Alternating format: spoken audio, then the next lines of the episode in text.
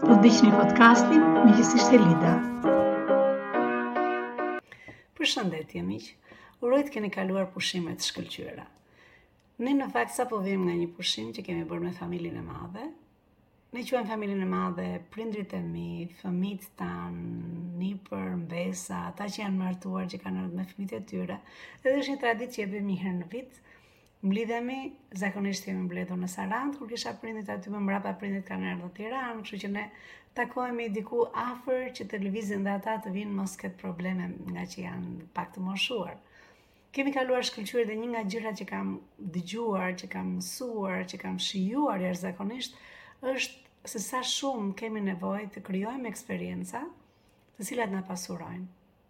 dhe nuk kanë të bëjnë fare me sa dhe si dhe ku gjen t'i bësh, nuk ka rëndësi ku do t'i bësh, ne në fakt kemi zgjedhur një, zakonisht është një vilë, që e zgjedhin çunat tanë, që e prenotojnë që herët, dhe kur shkojmë aty, aty ka gjithçka, dhe ne kalojmë jashtëzakonisht mirë. Ka qenë një Një javë e jashtëzakonshme, në të cilën kanë ndodhur shumë gjëra të bukura, ka pasur shumë uh, mall me njëri-tjetrin, ka pasur shumë të qeshura jashtëzakonisht, dhe unë besoj që këto janë ato që pasurojnë jetën dhe që në njëfarë mënyre bëjnë një hapje të sezonit që ne po fillojmë punën të gjithë. Sot do doja të flisja pak për një nga temat që më drejtohet si pyetje, pothuajse kudo që shkoj. Por, unë do të kthej, do të kthej përgjigje duke, duke ndarë një pjesë të programit që unë bëj me të rinjtë, që janë freelancer, që ditën janë që janë të punësuar diku dhe kanë një punë shumë të mirë, por që kanë energji, që kanë të ardhura, që kanë kohë dhe që kanë aspiratë për të ndërtuar diçka të tyre. Janë këta persona që unë i quaj aspirantë për t'u bërë CEO. Janë këta persona që shpeshherë në, në klubin e emit, se se këta quhen grupet që janë që po krijojnë milionin e parë me ekspertizën e tyre dhe është një grup i gjithë që futet nga 0 deri në 30 milion. Pra ndihmohen për të krijuar nga 0 deri në 30 milionshin e parë. Pastaj është një grup tjetër me të cilët punoj, të cilët janë nga 30 milion deri në 90 milion dhe pastaj me radhë. Në këtë grup, në fakt ka sfida shumë të veçanta. Është një nga grupet që më mua më sfidon më shumë. Më sfidon më shumë sepse realisht ajo që unë vë re është që janë disa gabime të cilat vijnë nga mosnjohja sa duhet, e vetes së tyre. Dhe unë do t'i ndaj me radhë cilat janë këto. Dhe sot do flas vetëm për shtatë gabime, të cilat shpesh herë dhe këtë është më lejoni ta them me zë të lartë, është e këshillueshme që këto gabime të bëhen, që njerëzit kuptojnë që kjo është mënyra se si mësojmë. Por duke i ndarë me ju tani do doja që ata që nuk janë në program, të cilët nuk kanë mundësi të bëjnë gabime dhe të kthehen prapë siç ndodh kur janë në program, Do doja t'i keni parasysh për ata që duan të zhvillojnë diçka të tyre.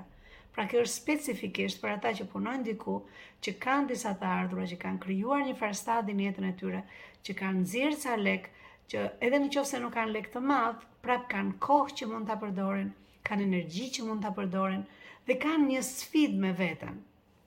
Në parim, në qoftë se do të bëja një shkurt të çfarë do të thoshja sot është, çfarë do të thotë të kesh sukses është të kesh një talent në diçka, talent të cilin ti e ke punuar prej kaq vitesh dhe ke marrë ca aftësi që janë të jashtëzakonshme, të kesh një vendosmëri të jashtëzakonshme për ta bërë këtë gjënë, dhe e treta të kesh interes ta bësh, të kesh një motivim të brendshëm, të, të, të, të zgjohesh me qejf ta bësh atë gjënë. Pra mund të kesh një aftësi, mund të kesh dhe vendosmërinë, por në qoftë se nuk e kemi me qejf, unë nuk mendoj që është ajo e duhura. Pra le të flasim që dikush e ka gjetur këtë gjënë. Dhe këta janë persona të cilët ndihmohen gjatë programit me mua, ndihmohen për ta gjetur këtë gjënë. Por le të flasim që dikush e ka, e ka vënë përpara. Unë do të thosha që kalimi nga një stad në stadin tjetër, pra kalimi nga i punësuar te dikush në i vetëpunësuar, ka këto 7 sfidat e para, të cilat më mbrapa në podcastin tjetër do të vazhdoj me 7 të tjera. Por këto janë gabimet të cilat dalin në mënyrë të vazhdueshme, që dalin nga jeta e përditshme dhe që janë gjëra që unë besoj që na prekin të gjithëve në një fazë apo në një fazë tjetër. Pra në qoftë se unë do të filloj, do të thosha e para fare është sapo filloj dhe takoj dikë dhe më thotë që Kam ardhur tek programi sepse dua të bëj lek. Ok, të gjithë e dinë që unë shpall që po, është shumë mirë të bësh lek. Është shumë mirë të bësh lek për për sa kohë ti nuk e lejon që leku të bëhet më mbrapa zoti yt, por është shkëlqyer të bësh lek. Është shkëlqyer të mësosh si të bësh lek. Dhe të mësosh se si t'i përdorësh ato në mënyrë të shëndetshme. Dhe kur ne flasim bashkë, pyetja ime është ok, le të themi që po mëson të bësh lek dhe po bën lek, po pastaj, a sa të harri atje? Dhe ky është gabimi i parë. Sa të harri atje pastaj, pastaj jam mirë. Pastaj nuk ka pse të marr të shqetësohem, pastaj shumë gjëra janë që do të bëhen, do zgjidhen vet, pastaj jam. Dhe ky është gabimi i parë. Unë mendoj që të thënit që sa të harri aty, pastaj do të kem më shumë lek. të bëj gjëra të mëdha, do kem më shumë kohë të jem e lirë, do jem më e zonja, më i zotit, do bëj më shumë, po në parim sa të arri atje. Në fakt, ajo që unë them gjithmonë është në çdo vend që ne jemi, ne kemi gjërat tona, të cilat janë të mira dhe të këqija. Ka shumë të mira kur ti je i punësuar nga dikush, ka shumë jo të mira kur ti nuk je kur je i punësuar nga dikush. Pra ka të mira dhe të këqija në çdo gjë. Dhe këtu mund të diskutohet një përqindje që do thosha shpesh herë shumë njerëz thonë janë 50-50, unë do thosha që jo, zakonisht është 70-30, të mirat janë 70, ndaj qëndron në një vënd, dhe janë 30 që të bëjnë që të lëvizësh më shumë. Ajo që unë do të them është, në çdo pozicion që do të jesh, do të thosha në anglisht unë e them, you will have your own cross to carry, do kesh kryqin tënd për ta çuar, qoftë nga një, nga një vënd në vëndin tjetër, nga një vënd në vëndin tjetër. Pra, me të mirat dhe me të këqijat e kësaj, Këto nuk ndryshojnë. Që ti do kesh të mira dhe të këqija në çdo gjë që do bësh, kjo është e padiskutueshme. Jeta është e njëjtë. Ndryshojnë vetëm fazat kur ti punon. Pra, asnjë gjë nuk do të jetë thjesht vetëm pozitive. Në qoftë se ti do arrish të bësh diçka. Dhe ky është një mentalitet që na dëmton ne njerëz zakonisht. Nëse ne i themi vetes sa të arrij të bëj milionin e parë, pastaj do kem vetëm gjëra pozitive. Nuk do të kem këta, nuk do të kem ata. Nuk është e vërtetë. Jeta është me shumë e shumë uh, faktorë brënda, ingredients, pjesë të tëra, që është mund të jetë një marrëdhënie që shkon keq, mund të jetë një partneritet që shkon keq, mund të jetë pra ti mund të kesh anën e lekut, po mund të kesh gjëra të tjera pra të përgatiturit që në çdo pozicion që ti do jesh, do kesh edhe të mira edhe të këqija, është një lehtësi e jashtëzakonshme që ty të përgatit të mos kthehesh nga rruga kur ti fillon të ecësh. po është e jashtëzakonshme. Dhe jam duke thënë këtë sepse në moment që ne fillojmë të kuptojmë këtë gjë, gjëja që ne i japim vetes leje është që i themi, shiko, do ketë vështirësi gjatë rrugës. Pra, që në moment që ti përgatitesh që do të kesh vështirësi, që vështirësitë janë pjesë e të gjithës, i ke dhënë leje vetes që ta fillosh rrugën dhe të fillosh të marrësh përsipër gjëra të cilat mendon që do të do të çojnë diku, por jo do të çojnë në një destinacion ku çdo gjë do jetë pozitive, ku çdo gjë do jetë e shtruar, ku çdo gjë do të jetë shesh me lule. Jo, do ketë vështirësi. E dyta që mendojnë njerëzit dhe që unë besoj që e thonë në mënyrë të vazhdueshme kur ne bëjmë trajnimet bashkë, është tani që arrita këtu, nuk kam më nevojë. Pra arrita këtë pikë, arrita të kem milionin e parë, e bëra milionin e parë, mësova si të bëj dhe milionat e tjera, unë nuk kam më nevojë të planifikoj. Dhe ajo që unë i pyes vazhdimisht dhe i them, ok, ajo që je duke më thënë është që ti mësove të bësh një shtëpi të vogël dhe fillove ta bësh atë shtëpinë. Mëson si vihen themelet, bën planifikimin si të vëmë shtyllat, cilat janë vlerat, cila është, cili është tavani, dhe tani që ti po shkon nga bërja një shtëpie në bërjen e një vile, ti nuk ke më nevojë të planifikosh? Apo arrite ta bësh dhe vilën, arrite dhe 10 milionshin. Ti mendon që nuk ke nevojë për këtë qiellgërvishtësen apo gradaçelën, nuk ke nevojë për planifikim? Miq, është e jashtëzakonshme se sa, se sa shpesh e gjej këtë mendim. Mendimi është është okej, për sa kohë mësoj të bëj këtë shpinë e vogël, nuk kam nevojë të mësoj se si bëhet me kate. Unë mendoj që ne kemi nevoj të planifikojmë vazhdimisht. Dhe për këtë unë flas jashtëzakonisht shumë te uh, libri Planifiko me Lidën. E treta, tani që punoj për vete, kur do pushoj, do pushoj tamam. Dhe kjo është një nga goditjet më të mëdha që i jepet çdo gjëje të vogël që ne fillojmë të ndërtojmë. Mendoni një fëmijë të vogël kur unë them e them si me të qeshur, ë një fëmijë i vogël i cili ka nevojë të ushqehet në mënyrë të vazhdueshme. Pra, kjo gjë që ke krijuar është një një është një një pjellë dashurie, të cilën ti po e krijon, sepse do ta bësh dhe do të kesh jetën tënde më të mirë. Dhe në një moment të caktuar thua tani unë mund të pushoj, do të pushoj totalisht. Dhe kjo më ndodh sidomos kur vijmë nga pushimet e verës. Është që isha me pushime dhe kam bërë një pushim, më fal, po punon për vete dhe mendon që mund ta lësh totalisht, totalisht një gjë të mbyllur Dhe moto e punës që unë them, në mënyrë të vazhdueshme është jo nxitim në gjënë që bën, por asnjë stopim. Dhe më lejo të them, pse është e rëndësishme kjo? Le të vemi te pika 4. Do të thoshja që në parim, në qofë se do të vinim nga pjesa e të stopuarit, dhe duke vajtur tek pjesa që s'ka gjë, unë tani punoj për vete, nuk më thotë më njeri që duhet të mbaj telefonin me vete. Siç e kisha tek puna që do më merrnin telefon, do më thoshin, Pse e bëre, pse s'e bëre, çka ka ngelur kjo? Mendo këtë gjë, kur ti punon për vete dhe kemi vajtur te gabimi i katërt. Pra, në qoftë se ta thoshja do t'i do t'i përmblidhja si çfarë jemi duke folur deri tani është e para fare sa të arrij aty, të arrij te destinacioni, te gjëja që dua të bëj. Pa pastaj, pastaj do të arrij të bëj këtë gjë, të bëj këtë gjë me logjikën që çdo gjë do të jetë pozitive aty ku do arrij. Nuk është e vërtetë. E dyta është mungesa e të planifikuarit, mbasi kemi arritur në një stad që është i, i bukur, në një stad që ne kemi arritur, le të themi kemi arritur milionin e parë. Dhe më mbrapa themi s'ka nevojë të planifikoj, jam shumë mirë, tani do eci me, me një inerci të jashtëzakonshme, nuk ecën dot me inerci. Aty ku ti po shkon është një stad më lart, do të mësosh dhe të bësh muskuj më shumë. E treta, që thamë është që tani që po punoj për vete mund të marr pushime të plota dhe mund ta marr pushimin të plotë dhe mund të mbyll çdo gjë Dhe ajo që unë them është e gabuar, duhet të mendojmë, nuk ka nxitim në ndërtimin e asaj që ne bëjmë. Nuk mund ta bësh ti me nxitim. Nuk mund ta bësh se do ti do të ta shtysh diçka të ndodh. Por ama nuk ka dhe stopim. Nuk ka një pauzë, nuk vendos se do pauzë. Dhe vim tek e katërta, pse? Për ta sqaruar, nga ana menaxheriale, kur ti fillon të punosh për veten tënde dhe fillon të ndërtosh një gjë tënden, mendo është një krijesë kjo që ke bërë, është një person tjetër, është një person fizik që ke krijuar. Regjistruar apo jo regjistruar, nuk flas për këtë gjë.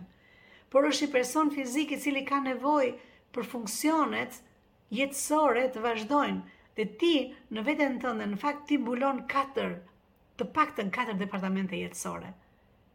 Katër ë do të thoshja gjëra të cilat janë shumë të rëndësishme, është ajo që ka të bëjë realisht me shitjen, është marketingu, është financa, edhe është do të thosha drejtimi i marrëdhënieve apo human resources, por që ka ka të bëjë shumë më tepër se sa vetëm vetëm si human resources që e quajmë ne që janë burime njerëzore. Ka të bëjë me me gjithë drejtimin e marrëdhënieve që ke të bësh qoftë me staf nëse ke apo po krijon partnerë, me klientë, me publikun.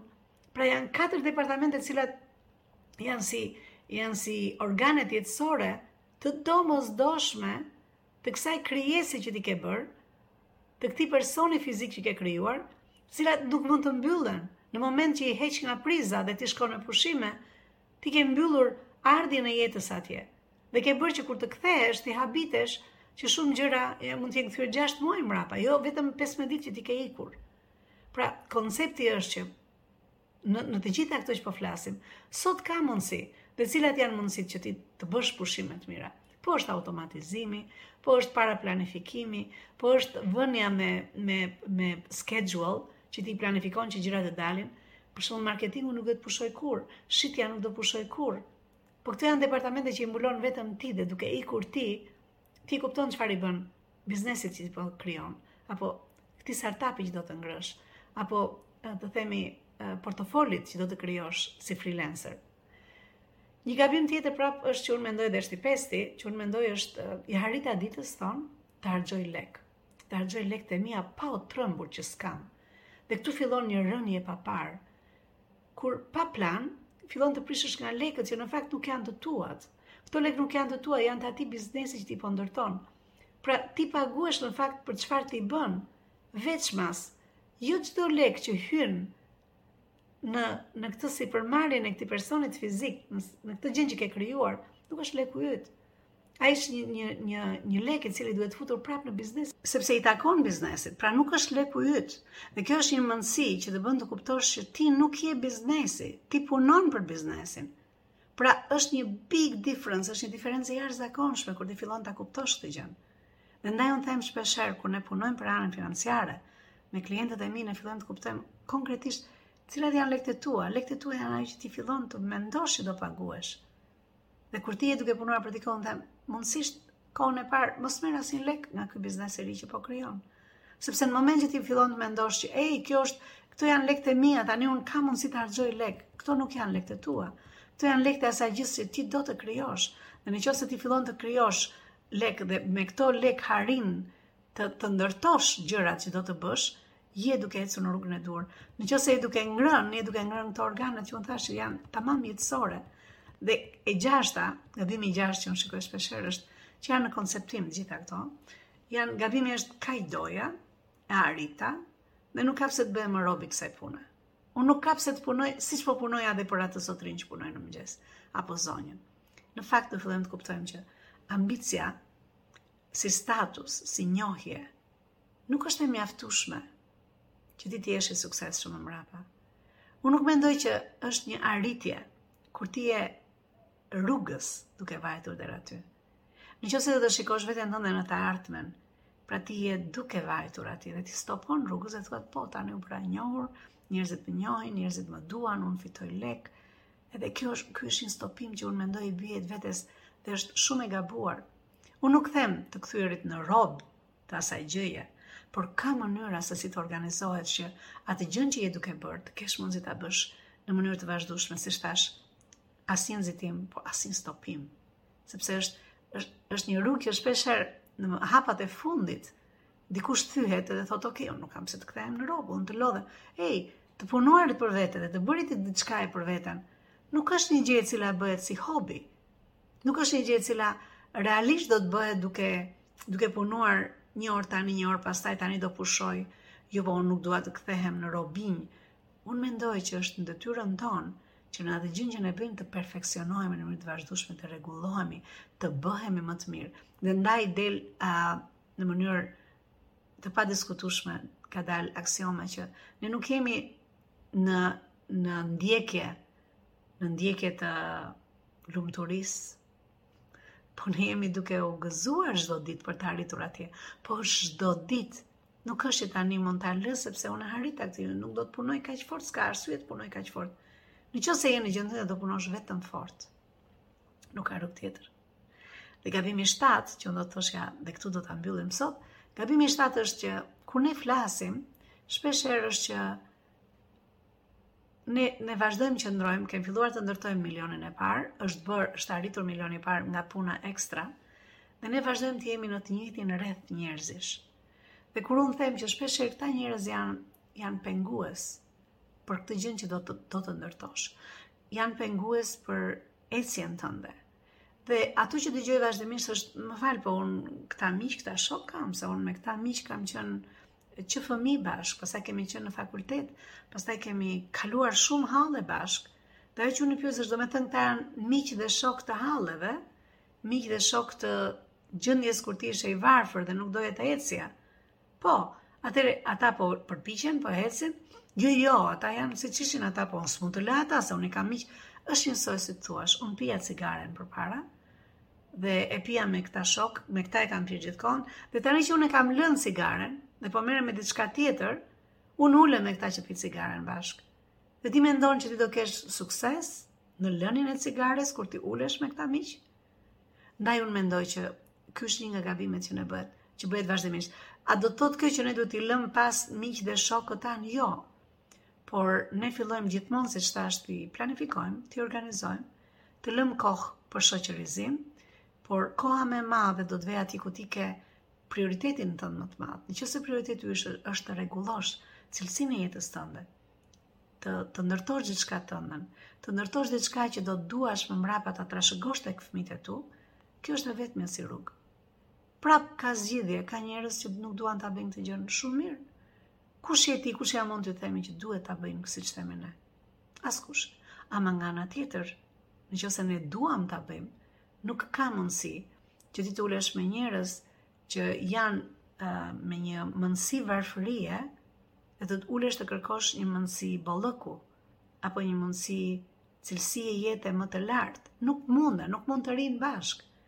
Do do dallojë kjo gjë, do dallojë në pjesën kur ti do të shkosh në një restorant, ata nuk do të duan, ata do të duan të shkojnë fast food. Ti do duash të vesh me pushime me ta në një vend që është shumë më mirë nga ç'ka qenë para dy vitesh, dhe ata nuk do të duan sepse nuk i kanë të ardhurat. Pra jeta vetë do t'i ndajë ca gjëra. Por unë nuk them që ne të hedhim njerëzit poshtë, por ne të dallojmë njerëzit me cilët duam të rrethohemi, në qoftë se duam të ecim përpara. Është zgjedhje, edhe kjo është zgjedhje. Pra, miq, duke menduar që ju kam dhënë disa nga gjërat që ne ndajmë në programin ton, që është coaching me Elidën dhe është vepro act act act vepro. Po ju lë këtu. Uroj të kem ndihmuar. Për ata që kanë interes, ju lutem futuni, sepse ne fillojmë kurse në mënyrë të vazhdueshme për këdo që do të bëhet një CEO i vetvetes për të ardhmen, për të rregulluar jetën e vet, për familjen e vet, po dhe për komunitetin tonë. Duke uruar gjithë bekimet e Perëndisë, miqësisht Elida. Nëse ke arritur deri në fund të videos, kjo do të thotë që ti je një ndjekës i ynë i rregullt dhe ke interes në gjërat që ne bëjmë. Nëse është ky rasti, ju lutem më kontaktoni. Ne mund të futemi shumë mirë në një nga programet e mia dhe të marrim të shikojmë çfarë është gjëja që të bën më shumë mirë ty në momentin që ti je në kryqëzimin e karrierës ku ti je në ecjen që ti ke bërë dhe jam e bindur, jam e bindur që ti mund t'i bashkohesh një armate të madhe njerëzish të suksesshëm me të cilët ne punojmë. Prej të cilëve ne në mënyrë të vazhdueshme secili nga ne mëson, por jo vetëm kaq. Krijojmë një network, krijojmë një rrjetëzim që është i jashtëzakonshëm. Kur kanë të njëjtën ide që ndahet, që është të qenit me mendje të hapur të qenit i gatshëm të ndihmojmë njëri-tjetrin dhe të qenit vazhdimisht në tregun e punës për të dhënë më të mirën tonë. Nëse është kjo që të ka sjell tek podcasti im, të lutem më shkruaj.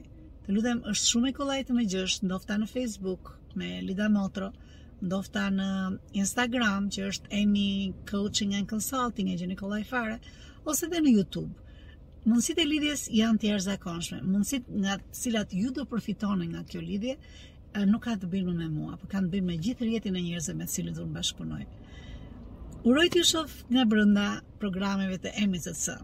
Ju uroj gjithë bekimet e Perëndisë. Miqësisht Elida.